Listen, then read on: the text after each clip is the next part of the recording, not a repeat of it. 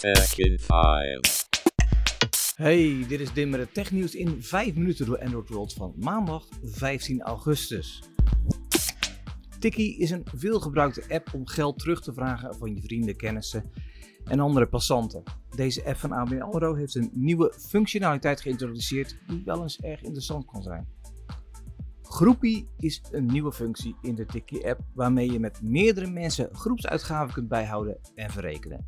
Met deze functie wil ABN AMRO de groepsbetalingen in de Tikkie-app een stuk eenvoudiger maken. Het werkt snel en simpel. Je maakt in de Tikkie-app een groepje aan waarin deelnemers hun kosten kunnen delen. Leden uitnodigen kan onder andere via WhatsApp, maar je kunt ze ook handmatig toevoegen. Het rekenwerk kun je vervolgens aan Tikkie overlaten, zodat je nooit meer gedoe over geld hebt en niet alles op de achterkant van een bierveeltje hoeft uit te rekenen. Klinkt mij als muziek in de oren.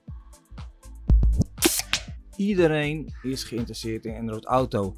En dat zien we aan de grote interesse voor dit, en voor dit onderwerp in de app en op de site. Tijdens de Google I.O. liet men weten dat we deze zomer een grote update zouden krijgen voor Android Auto. Deze update kreeg zelfs een naam en het is Cool Walk.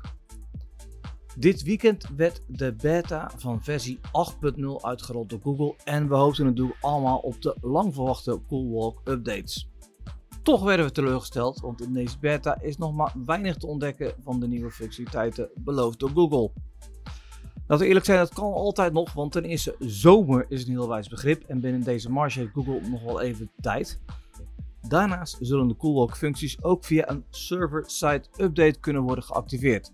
Daarvoor is geen nieuwe update van de app nodig, dus het kan nog steeds binnen de 8.0 versie van deze beta. Met Coolwalk zullen we vooral een andere uitvoering van het display krijgen. Dit zal worden verdeeld in drie stukken en voor allerlei formaten geoptimaliseerd worden. Maar voorlopig moeten we dus nog eventjes wachten. Waarom allemaal stiekem verwachten dat OnePlus binnen een aantal jaren door Oppo zal worden opgeslokt, laten we eerlijk zijn, de voortekenen zijn daar, gaat OnePlus-baas Piet Lau lekker door met teasen. Hij liet op Twitter een foto zien van een scharnier met de vraag: Hey, wat is dit? Nu zou het kunnen dat deze man het echt niet weet, maar het is natuurlijk een teaser van het bedrijf. Het scharnier hoort thuis in een vouwbare smartphone of kleine tablet en een tweet van Lau zou kunnen impliceren dat het merk aan een dergelijk toestel werkt. Grote broer of zus Oppo heeft iets meer ervaring met vouwbare en rolbare smartphones en beschikt over een heel groot R&D team. Dus het zou zo mogelijk kunnen zijn dat OnePlus als eerste een vouwbare smartphone krijgt.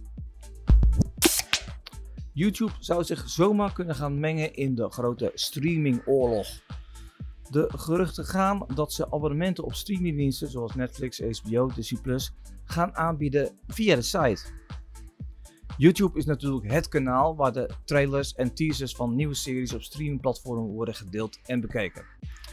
Hoe makkelijk zou het zijn wanneer je daaronder gelijk een abonnement, abonnement kunt aanbieden op de desbetreffende streamingdienst? Voor YouTube zou het een extra inkomstenbron zijn door een deel van de omzet te vragen, net zoals ze dat op de Play Store doen.